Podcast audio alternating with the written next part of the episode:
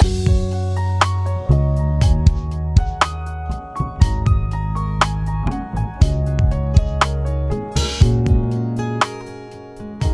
lyssnar på Human Design-podden med Emily Eriksson och Tone Hove.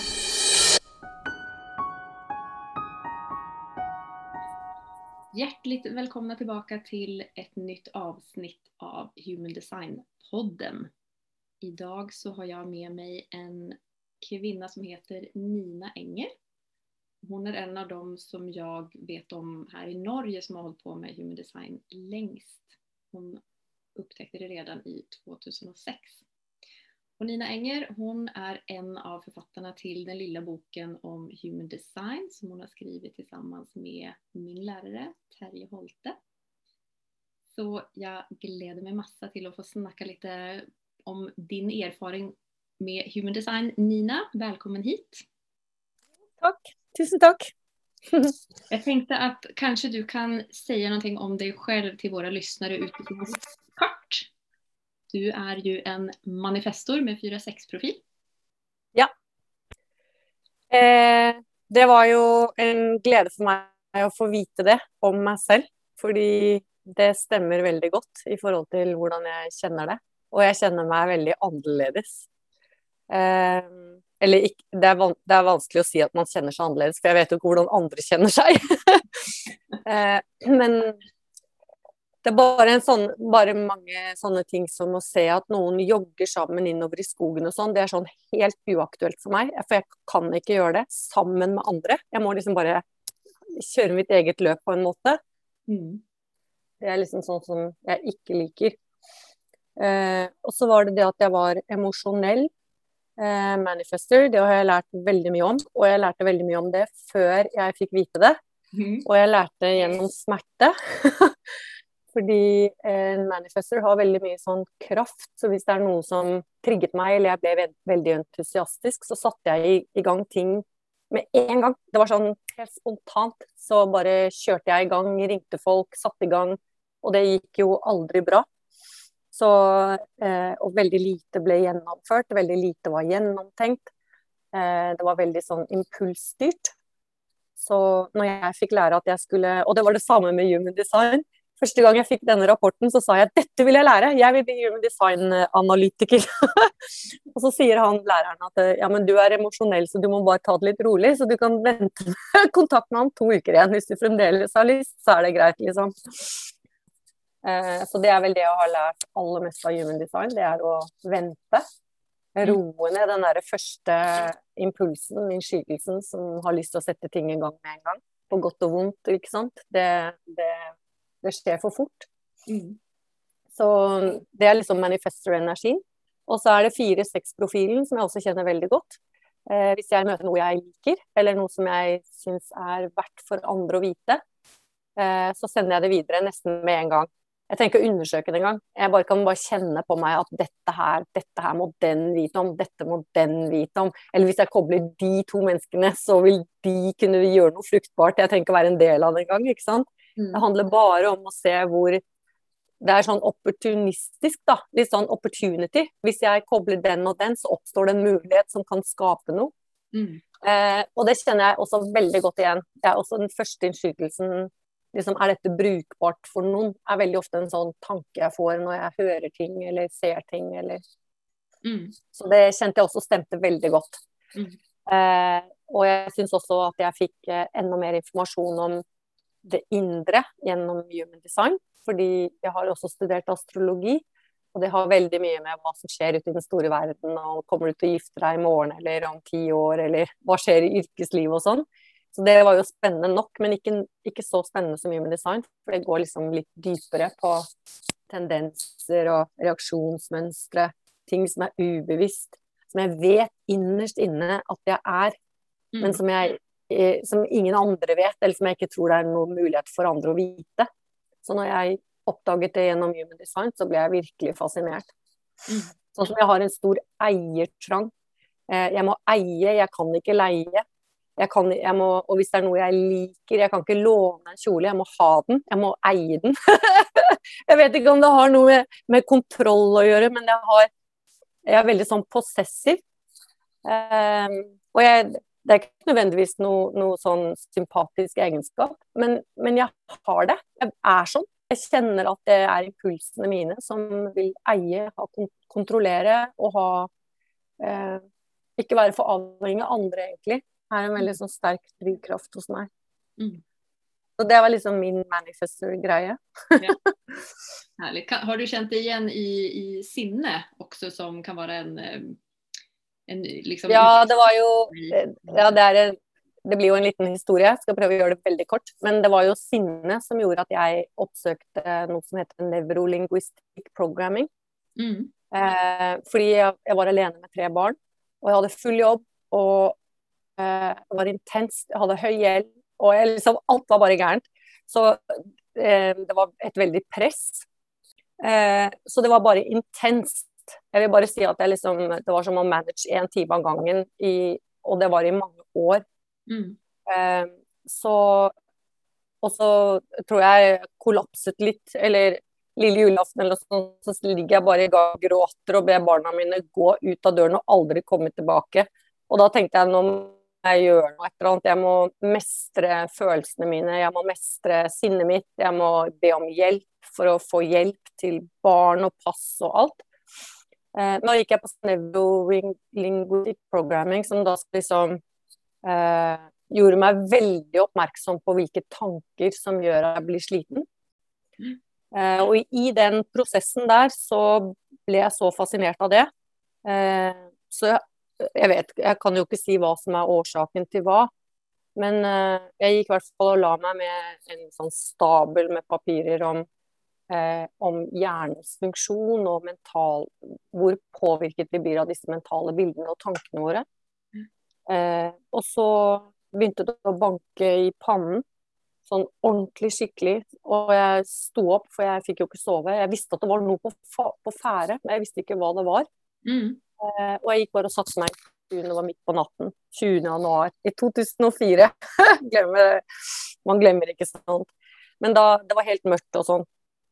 Og jeg bare sitter i stolen og tenner ingen lys og ser ikke Lager meg ikke noe te eller noe. Jeg bare setter meg ned for å bare liksom la det som skal skje, skje.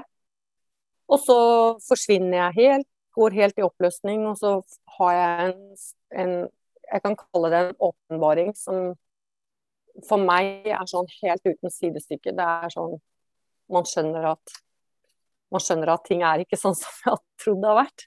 Mm. Eh, og at eh, det eneste jeg liksom kjente var meg, det var åndedrettet mitt.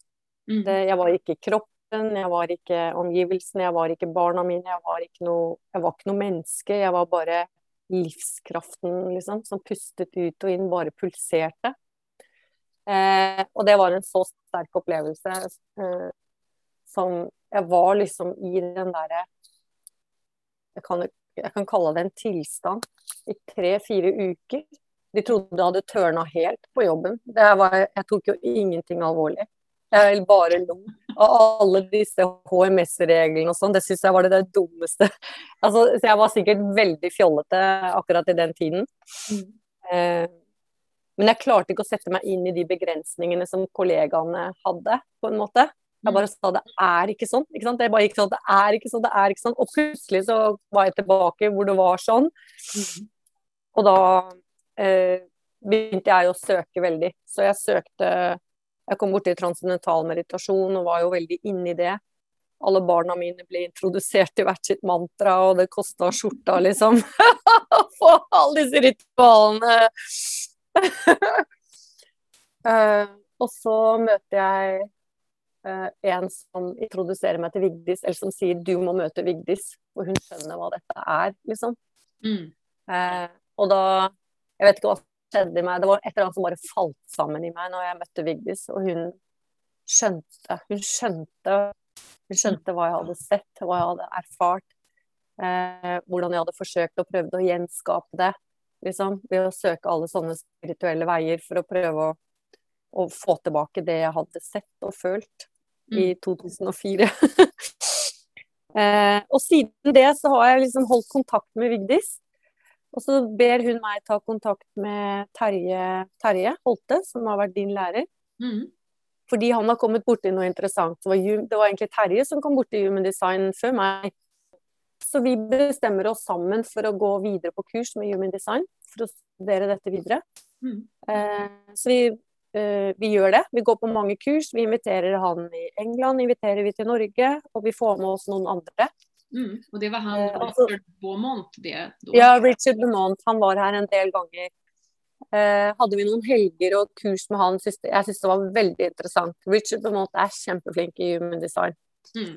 Eh, jeg kan bare säga til våre lyssnare at Richard Beaumont er chefen for International Human Design School i England just nå. Ja, I England så tror jeg også han driver med noe film, Human Design, et sånt filminstitutt eller noe sånt, som skal prøve å filme litt om hva Human Design er. I hvert fall holdt han på med det når når han var hos oss. Og så i løpet av den tiden jeg var hos, eh, eller jeg gikk på kurs med Human Design, så kom jeg borti Gene Keys. Og det var litt fordi uh, Richard Rudd, som du kan kanskje introdusere han òg, før jeg snakker mer om han. Uh, Gene Keys kan jeg jo si først er en uh, ja, Først var det en bok der hvor en mann som heter Richard Rudd hadde studert under Ra i mange år. Eh, og så fikk han vel selv noen slags åpenbaringer kring disse portene eller disse heksagrammene som ligger i human design-systemet. Så han har da utviklet videre disse portene, eh, tycker jeg, til noe helt fantastiskt. Så Gene Keys tycker jeg er et superfint eh, supplement til human design-systemet. Jag jeg anvender det selv i, i mine samtaler. Du kanskje kan beskrive litt mer hvordan du opplever skillnaden er på, på Richard Rudds sätt å beskrive portene jämfört med hur Ra beskrev dem? Eh, jeg hadde jo Richard eh, Beaumont fra England, som er veldig human design-pro, på en måte. Eller som eh, Det er det han, eh, han formidler videre. Mm. Og han visste veldig godt hvem Richard Rudd var, for jeg tror dette har vært en sånn gjeng som var rundt Ra helt i begynnelsen. Og Richard Rudd har jo vært, har jo vært sammen med Ra i tolv år, før han skrev en bok som heter The Circuitry. Og når jeg leste den boken, så tenkte jeg fy fader, dette var en god forfatter. Han har klart å virkelig sammenfatte essensen av alle disse jinkiesene på en skikkelig god måte. Mm. Eh, så jeg kontakter han. Eh, og så sier han at han har, han har, beveget seg litt bort fra human design og har hatt sine egne, eh, som du kaller det, åpenbaringer eller eh, informasjon. Fått masse informasjon som handler om disse jinkies, som vi også ser i Ring. Så dette er jo ikke noe nytt. Altså dette er jo liksom disse 64 kvalitetene eller 64 arketypene som vi på en måte eh, blir preget av. Mm. Eh, og når jeg leste Og så sender Richard Rudd meg eh, mine gene keys, da. Eh, og når jeg leser dem, så får jeg bare åpenbaring på åpenbaring. Og så plutselig så bare faller alt det jeg opplevde i 2004, blir på en måte kommer tilbake når jeg, når jeg leser det jeg leser. Mm. Eh, jeg blir jo kjempefascinert. Mm. Eh, og da var Richard Bemont på middag hos meg. Akkurat den dagen det skjedde. Ja. Så det ble egentlig litt sånn clinch. Eh, men da endte det med at det var kanskje siste gang Richard Bemont var her. Mm. Vi hadde gått gjennom alt på Human Design. Og så går jo jeg veldig inn i Keys og blir medlem av sånn Gene Keys community. og vi er veldig tette. Det er en sånn gruppe som melder seg på. Liksom, hvor man har bestemt seg for å være veldig transparente, veldig åpne om alt. Om det er perverse lyster du har, eller hvordan ting oppstår for deg, så skal man være, bare dele alt. Fordi eh, For å komme seg vekk fra den identifiseringen med personen, og heller tenke at så, sånn fungerer jeg, og jeg kan ikke noe for det, men det har jeg lyst til å dele, liksom. Og det er mm. ikke bare pent. Ikke sant? Vi mm. har mange rare drifter og rare ting. Så det var en veldig åpen community. Så der eh, var jeg i flere år. Eh, så derfor eh, ble jeg veldig interessert i Jinkies. Og så presenterte jeg Jinkies for Vigdis. Og hun, når hun leser sine Jinkies i forhold til hennes fødselsdata og hennes human design-kart, så, så, sier hun til meg at dette stemmer helt på en prikk. Dette kan du bare studere. Og mm. det satte jo i gang mitt studie for fullt. Også på, også på human design, egentlig. Fordi det bygger liksom GKIS bygger jo litt på human design, så det er jo en sånn eh, Gene Keys har nå liksom blitt en sånn egen greie. Mm. Men jeg syns det som er fint med human design, det er å forstå at vi er mekanikk. Altså eh, Vi har en mekanikk hvor det er visse ting vi reagerer på. og eh, som, sant? Et menneske reagerer på én ting, og et annet menneske reagerer på en annen ting. Eh, og de kan være helt forskjellige. Så noe som et menneske reagerer på, kan være helt uinteressant og helt likegyldig for en annen. Og de tingene syns jeg er veldig spennende med human design. Da synes jeg de, de er veldig presise på hva på hvordan Hva er den første innskytelsen du får? Er den negativ, er den positiv, og hvorfor er den det? Vi har liksom skyggeside og gaveside. Så Mm. den er, det er veldig enkelt å forklare, eh, syns jeg, i forhold til eh, dette med hvilken åpenhet vi har, og hvordan vi blir påvirket av andre, og hvor mye vi bruker hodet vårt for å tenke, tenke det ene eller det andre, mens egentlig så vet kroppen veldig godt hva som er riktig å gjøre i forskjellige situasjoner. Og så Mm. lytter vi ikke til den derre innskytelsen eller magefølelsen eller det som kjennes riktig, men vi bruker fornuften og resonnementet og uh, tillærte ting, og det fører helt galt av sted, liksom. Det blir ikke riktig. Mm. Uh, så det å kjenne på hva er riktig for meg akkurat nå, det er så viktig. Jeg håper liksom at det kan bli det også, når folk blir klar over at uh, de er ikke, de er jo ikke skyld i sine egne kvaliteter, på en måte, men det er noe med å gjøre det beste ut av de kortene du har blitt delt, da, Ja. eh, som blir greia. Mm. Eh, og så vil jeg si at Jinkies eh, Når man leser Jinkies, så er den veldig sånn meditativ. Man går veldig dypt. Eh, eh, det, er, det er en helt nydelig ting å lese. Mm. Eh, og man kjenner seg veldig godt igjen i både skyggesider og gavesider. Mm. Och i det systemet här så snackar ju Ra Uruhu om at vi er jo egentlig passageraren. Vi er egentlig den som på en måte vittnar vårt eget liv, eller vittnar hvordan det her kjøretøyet vi har fått, då, Hvordan det fungerer, og hva det skal brukes til. Og, og at det gir en glede når vi bruker oss selv på den måten vi er lagd for. Mm. Mm. Men at vi egentlig så er vi den som iakttar oss selv i både Ja. skyggesider og gavesider. Ja. Så vi styrer jo ikke heller det, ikke sant? Det å være vitne, det å bli veldig interessert i seg selv, da, egentlig. Veldig, selvsen- veldig selvsentrert. Man blir jo veldig selvsentrert. Fordi det, det handler egentlig bare om Jøss, yes, hvorfor reagerte jeg sånn da? Hvorfor gjorde jeg sånn da? Så lærer man så mye av det. Og mange ting jeg merker veldig godt. Vi har også i den gruppen til Vigdis, hvor vi ble jo en liten gruppe som drev med design og eh, Vi er en gruppe på syv mennesker som har møttes veldig eller, ganske ofte, siden 2015 faktisk. Mm. vi møttes en gang i måneden og diskuterte alle disse kvalitetene, alle disse arketypene.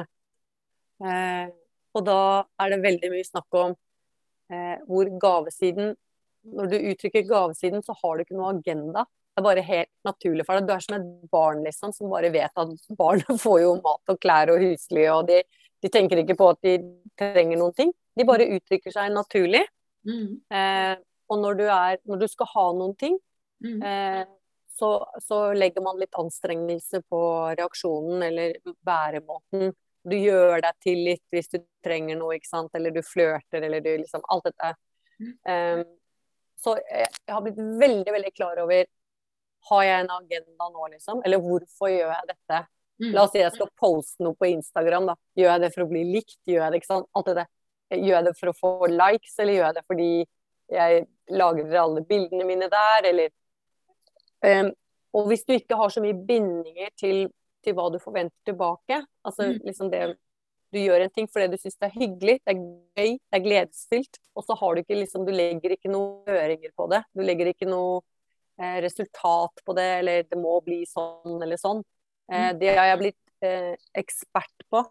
Ja, Det blir mer litt fra øyeblikk til øyeblikk, på en måte. Ja, det blir litt mer sånn automatikk at jeg gjør det beste jeg kan nå, og så er det Mm. uinteressant hva som skjer videre. Det er blitt sånn, veldig sånn. Og så tenker jeg også bare det du var klar over de gangene man poster på Instagram for at man vil ha flere følgere eller hva som helst. At ja, ja, vi gör ju det allihopa innimellom, men att vi kan i hvert fall være ærlige med oss själva om at vi gjør det. Ja, nettopp. Nettopp. Mm. Ikke sant? Og så kjenne på hvordan kjennes det ut da, når du ikke får noen likes på noe du har gjort. ikke sant? Ja. Og, så, og hvorfor det, og ikke sant. Så nei ja, eh, det er veldig interessant. Det er kjempeinteressant. Ja. Men jeg vil gjerne høre litt mer om denne gruppen. Eh, det är det SYV som har jobbat med både Gene Keys och eh, hexagrammerna i Human Design-systemet och I Ching. För ni har gjort Ja. ett enorm jobb med att översätta till norska Ja. både portarna och linjerna som ligger bak portarna. Ja. Og det er, noe, det är jo liksom ikke bare oversettelse, det er jo en ordentlig forståelse, liksom, eh, som ligger i det. Så det har jo vært eh, grundige diskusjoner, og vi har jo brukt Vi kan bruke 67 timer på én jinky, eller på én kvalitet. Mm. Veldig ofte kommer vi ikke lenger, fordi det er alle disse forskjellige linjene og hvilken forståelse et menneske har som har den aktivert, og om det er aktivert i Mars eller Pluto eller solen, det har også litt betydning. Mm. Eh, men eh, det å gå gjennom alle disse kvalitetene, og det å vite, eh, som liksom er sånn, er sånn grunnvisdom som vi har fått gjennom Vigdis, for jeg opplever at hun har sett eh, mye mer enn de fleste, og forstår helheten bedre enn de fleste. Mm. Eh, så hun står høyt i kurs hos meg i forhold til eh, tolkningen av Jinkies og disse arketypene. Mm. Eh, det som er så viktig å forstå, eller som er viktig å formidle videre, det er at en Hvis du har én kvalitet, da, som eh, Skal jeg bare ta et eksempel. Hva er det du har for noe, Emily? 19 i min personlige sol kan vi ta. Ja, du har, port, du har port 19. Ikke sant? Den er veldig imøtekommende, veldig varm, opptatt av familie, opptatt av at alle mennesker får behovene sine dekket. Det, ja, og at kjøleskapet er fullt og Men eh, så har man eh, Det er jo en veldig sånn caring side. De er veldig lette å komme i kontakt med. De er varme. Um, og så har du eh, en sånn skyggeside. Det kan være at de blir veldig furtne. Eller sånn, «Nei, jeg kan med meg selv, jeg, hvis de merker at folk ikke bryr seg om dem og sånn. Eh, eller kan bare liksom snu seg i døren og si at nei, jeg klarer meg selv, jeg. Og så kan de være bare ordet 'furten' på norsk. Jeg tror ikke vi har mange gode ord på engelsk. Men det er ikke alltid, finner de gode ordene på engelsk, faktisk. Eh, og, og at de bruker en strategi hvor de forventer at personen skal komme, komme til dem og liksom gjøre det. da. Bruke litt sånne Nästan Eh, manipulasjon. Ja, litt manipulerende for å få folk til å komme og trøste dem eller komme igjen. Sånn, sånne ting. Mm. Eh, og den skyggesiden, eh, det er jo ikke noe galt i det. Det er bare at det er skyggesiden på den kvaliteten. så det at man beveger seg i hele dette spekteret hele tiden, eh, så alle Det er jo ikke sånn at du blir den perfekte personen, på en måte. For at eh, i, en viss, i en gitt situasjon så reagerer du med skyggesiden, og kanskje du skulle det. Kanskje det var helt riktig overfor den andre personen, som kanskje er litt invaderende.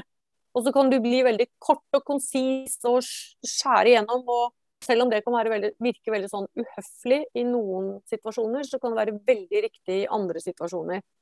Og det er helt avhengig av relasjonen, ikke sant? om hvilke mennesker, mennesker du forholder deg til.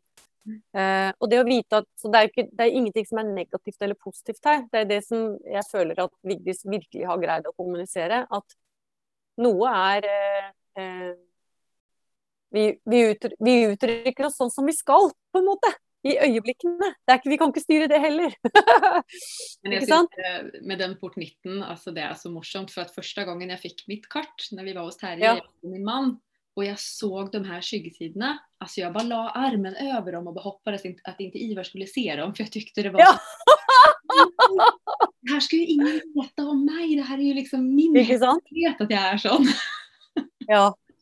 ja. Ja. Men nu bara skrattar vi åt det. Alltså nu, jag Og Och så, så fritt og deilig å slippe alt det løs. ja men verkligen, Ja. och, och bara våga erkänna för mig själv att ja, jag blir sån. Jag blir furten när jag tycker att Ivar har varit sur eller jag känner mig utanför. Ja. Liksom. Ja. Men Mm. jag kanske inte reagerar så mycket längre för att jag vet att det är bara en mekanik i mig och jag vet att ja, ja, om jag lägger mig och sover nu så kommer jag inte känna så här imorgon. Ja. Ja, och det visste jag ju inte innan jag hade fått det här kartet. Nej. Den skuggsidan styrte ju så mycket mer då utan Ja. att jag förstod det själv. Så, Nei, da, det, er, det er veldig interessant. Altså. Det var også det med skapet mitt. Det var jo ingen som visste det at jeg var sånn. ikke sant? Jeg har jo alltid vært veldig sånn gjestfri og imøtekommende og bare ta og bruk. Og jeg vil ikke ha noe gjerde rundt tomten og sånt. Så jeg levde virkelig sånn som jeg ikke var. Fordi jeg skulle være så Jeg skulle være så gjestfri og åpen og sånn. Helt annerledes. Bare gjerde rundt tomten. Det handler om å, å kunne sette grenser, da. For det har, det har ikke, jeg som en manifester. Jeg har ikke det stralsenteret aktivert, ikke sant. mm, Så jeg visste jo aldri hvor grensene mine gikk. Det, folk gikk jo over meg til slutt. mm, Eh, så det har blitt veldig annerledes, det òg. mm. Så Så nå er jeg ikke så gjestfri lenger. Men eh, i denne gruppen da, når dere ni har sittet Ja. Och om, eh, om dessa hexagrammerna och, och portarna, Mm. så ser ni också på de här linjerna bak porten. Ja.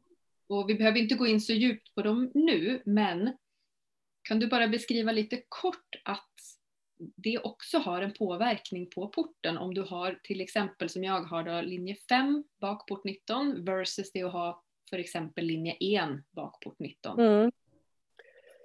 Eh, fra én til seks er jo på et vis en, en utvikling, eller en modning av kvaliteten. Eh, og der hvor man har én Jeg syns at eh, kvaliteten som er beskrevet på linje én, beskriver veldig godt hva kvaliteten handler om. Eh, jeg syns liksom veldig ofte at det er fundamentet for hva, for hva kvaliteten handler om. Så og de som har nummer én, de vil alltid være veldig nysgjerrige på hva det er. Eh, la oss si du har eh, 59-1. Så 59 er intimitet, og du skal bryte ned barrierer hos andre for å komme tett innpå dem. Du skal befrukte ting. Og hvis du har linje 1, så er du veldig eh, nysgjerrig på hva det er. Hva skal til? Du lærer litt, ikke sant. Det er akkurat som du leser bøker om det. Du lærer om det, men du er det ikke nødvendigvis. Sant? Så, så 59-1 kan også medføre litt sånn usikkerhet i forhold til hvordan du skal tilnærme deg intime forhold, f.eks. Mm. Selv om evnen i deg er at du klarer å bryte ned barrierer hos den andre, men du er nysgjerrig på det, for du har ikke utviklet kvaliteten godt nok. Eh, eller ikke, ikke godt nok, det er feil å si det, men det er sånn du skal være. Det er sånn du skal, du skal være interessert i akkurat de tingene. Mm.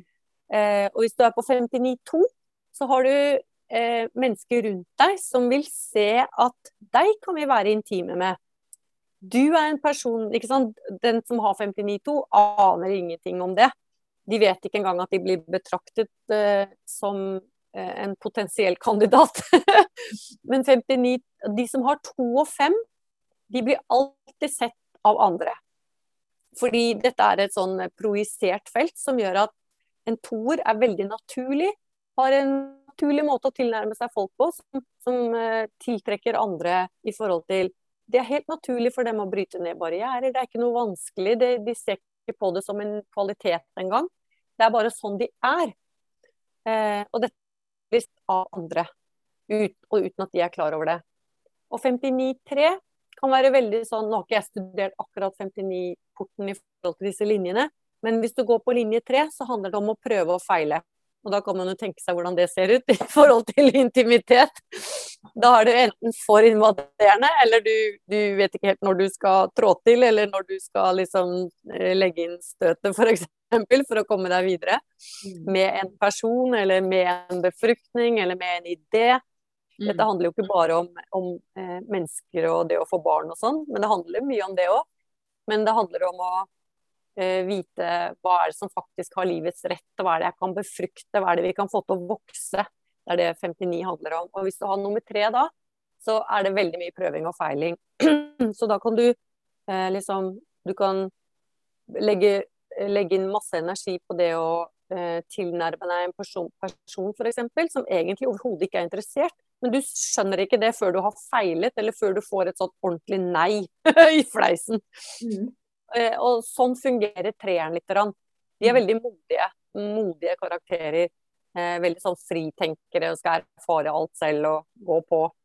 Og så får de seg en støyt, og så tåler de det. Og så går de videre igjen. Fireren er veldig opptatt av å dele. De er veldig sånn eh, De ser muligheter. Og vil gjerne eh, kunne dele og koble folk i forhold til hva de selv opplever, og hva de selv føler er riktig og sånn, kjennes riktig for dem. Eh, så de er ikke så opptatt av sånne objektive nyheter som forteller at dette er viktig, dette er viktig. Nei, fireren tenker ikke sånn i det hele tatt. Så, for de reagerer med hele kroppen sin hvis noe er riktig for dem. Det er noe, det er noe med at dette er riktig for meg. Og da kan det deles videre. Eh, og den eh, formidlingstrangen ligger der som helt naturlig. Eh, og fireren kan være veldig eh, skjør.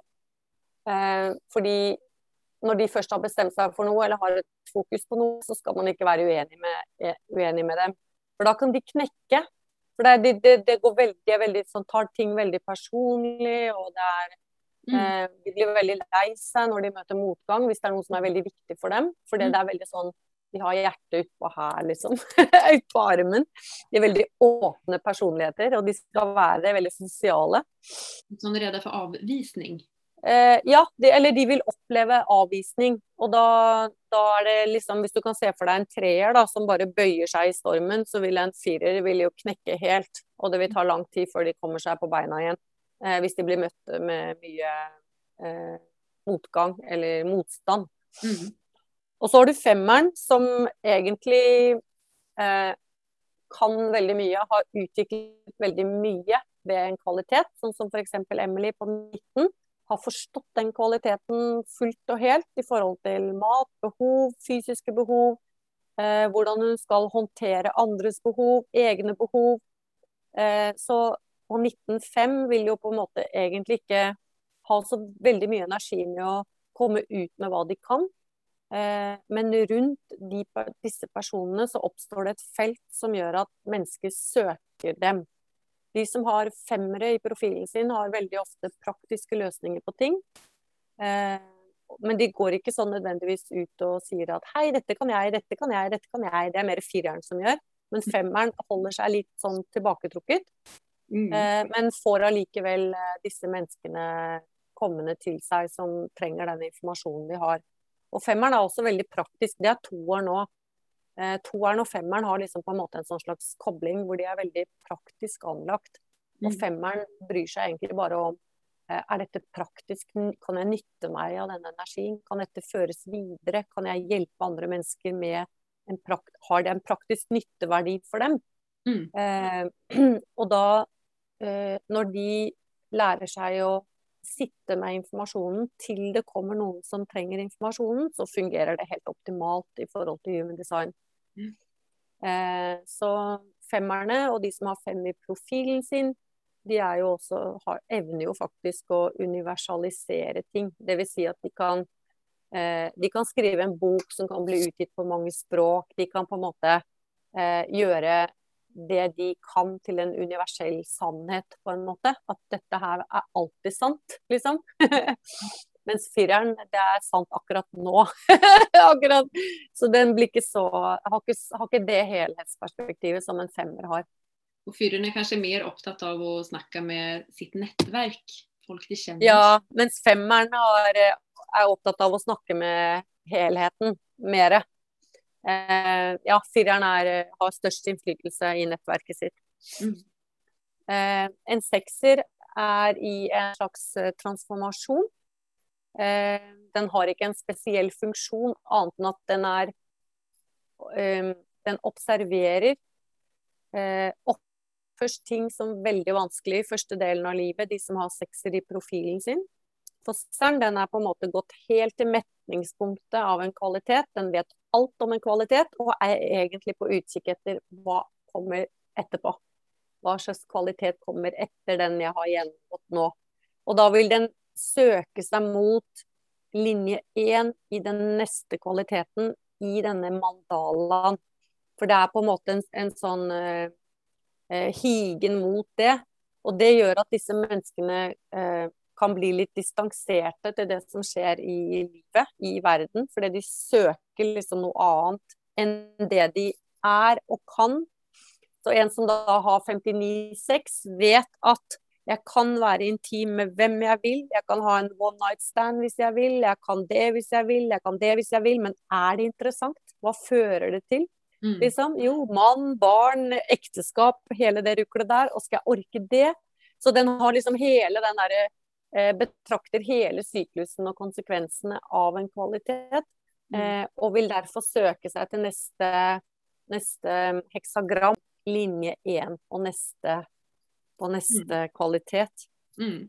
Hvor den da begynner å undersøke hva det handler om. Og det syns jeg er veldig interessant, fordi at de personene med seksere blir jo da litt mer distanserte fra det som faktisk skjer. at de er ikke så innmari opptatt av det. Fordi de har på en måte opplevd alt. Så de, trenger, de er mettet, på en måte. Mm. Og søker seg heller mot en, en ny kvalitet. Og det er en sånn indre prosess. Det blir indrestyrt. Mm. Eh, eh, så det er litt eh, viktig å vite når man ser i hvert fall sekser i profilene. 6-2 og 4-6 og de som har 6-3. Eh, de, de, det er en slags forvandling eller transformasjon som skal skje i løpet av det livet. Det er mange sekserprofiler som også vil ha human design-analyser. Så de merker nok, ikke sant. Det er en endring i dem. Det er noe de skal, det er noe de skal bli trygge på. Eh, og, de, og de, jeg merker det veldig godt når jeg snakker med, Mm. med de som har seksere. At de, merker, de vet at det er de, de, vet at de må gi litt bengen i andre, på en måte. det, er ikke, det er ikke vondt ment, men de må liksom ikke la andre styre dem på noe vis. Fordi de kjenner at de har en drive hvor de er bare nødt til å leve ut sin, sitt liv Mm. uten at det eh, Uten at det skal være sånn med veldig mye hensyn til andre. Og, på den, på, og derfor blir de også litt rollemodeller, eller de blir sett Ikke, ikke, ikke noe sånn oppå noe pidestall, men bare, egentlig bare en rollemodell i forhold til at de tør å være den de er. De tør å være seg selv. Ikke sant? Og det er eh, tiltrekkende, det. Autentisk. Det, er, eh, ja. det er, det føles godt å være sammen med noen som er ekte. Ja, ikke sant? Det åpner opp for at du også kan være det. Det er det. Mm. Yes. Um, jag tänkte vi skulle börja avrunda lite, men uh, jag tänkte bara säga att de här linjerna som vi har gått igenom nu, det är ju detsamma som handlar om profilen. Det är ju detsamma egenskaperna som ligger där. Men så ligger Mm. också, det är ju en del eh, kvaliteter, alltså någon få sättningar som dere också har översatt och brukt lång tid på som, som ligger bak varje linje i, i disse hexagrammerna. Och de kommer vel ut etter hvert. Ni er fortsatt ikke klare med den jobben. Å ja. Den, eh, det er egentlig jeg som sitter på den neste boken, tenker du på? Ja. Med alle linjene. Ja. Ja. Den har jo vært litt halvt, fordi vi skulle jo gå gjennom ting litt på nytt med denne gruppen. Og så har liksom disse samlingene våre blitt eh, stoppet pga. korona, eller vi har ikke kunnet møtes. Mm. Eh, og det var noe med å få litt verifisering, for det vi har gjort er å beskrive alle linjene. Eh, dette, fin dette materialet finnes på engelsk, og det er utgitt av flere forskjellige mennesker. på en måte. Ra ga ut sin utgivelse, Shetan har gitt ut en linjebok. Mm. Så liksom det å gå inn og lese på alle linjer, og vi har da gjort det på norsk eh, sammen med Vigdis. Så da føler jeg at liksom prosessen med den oversettelsen og sånn har vært veldig ryddig, da. Ja. Eh, veldig ryddig og veldig eh, presis, og ikke noe sånn sentimentalt kliss, liksom. Det har vært veldig rett på. Veldig sånn eh, ærlig. Mm. Grundig, grundig arbeid som ligger bak der. Det er veldig grundig. Så, det. Ja. Ja. Få ord, men de her ordene treffer helt magisk. Ja. Mm.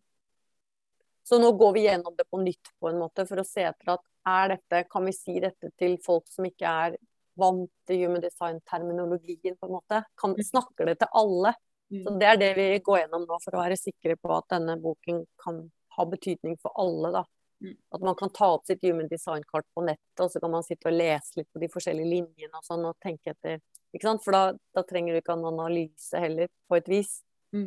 Eh, og så kan man kanskje ta en samtale med en, med en human design-type etterpå. Men da kan det bli litt sånn selvstudie, da. Mm. Mm. Men jeg er ikke ferdig med den boken. Det kommer etter hvert, så vi får bare Ja. mm. Nina, tusen takk for at du kom i dag. Det var veldig trivelig.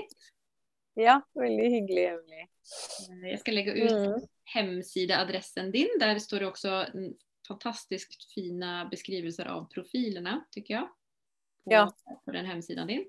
Og der kan man også då ta kontakt med Nina om man skulle ønske det. Okej, Mm.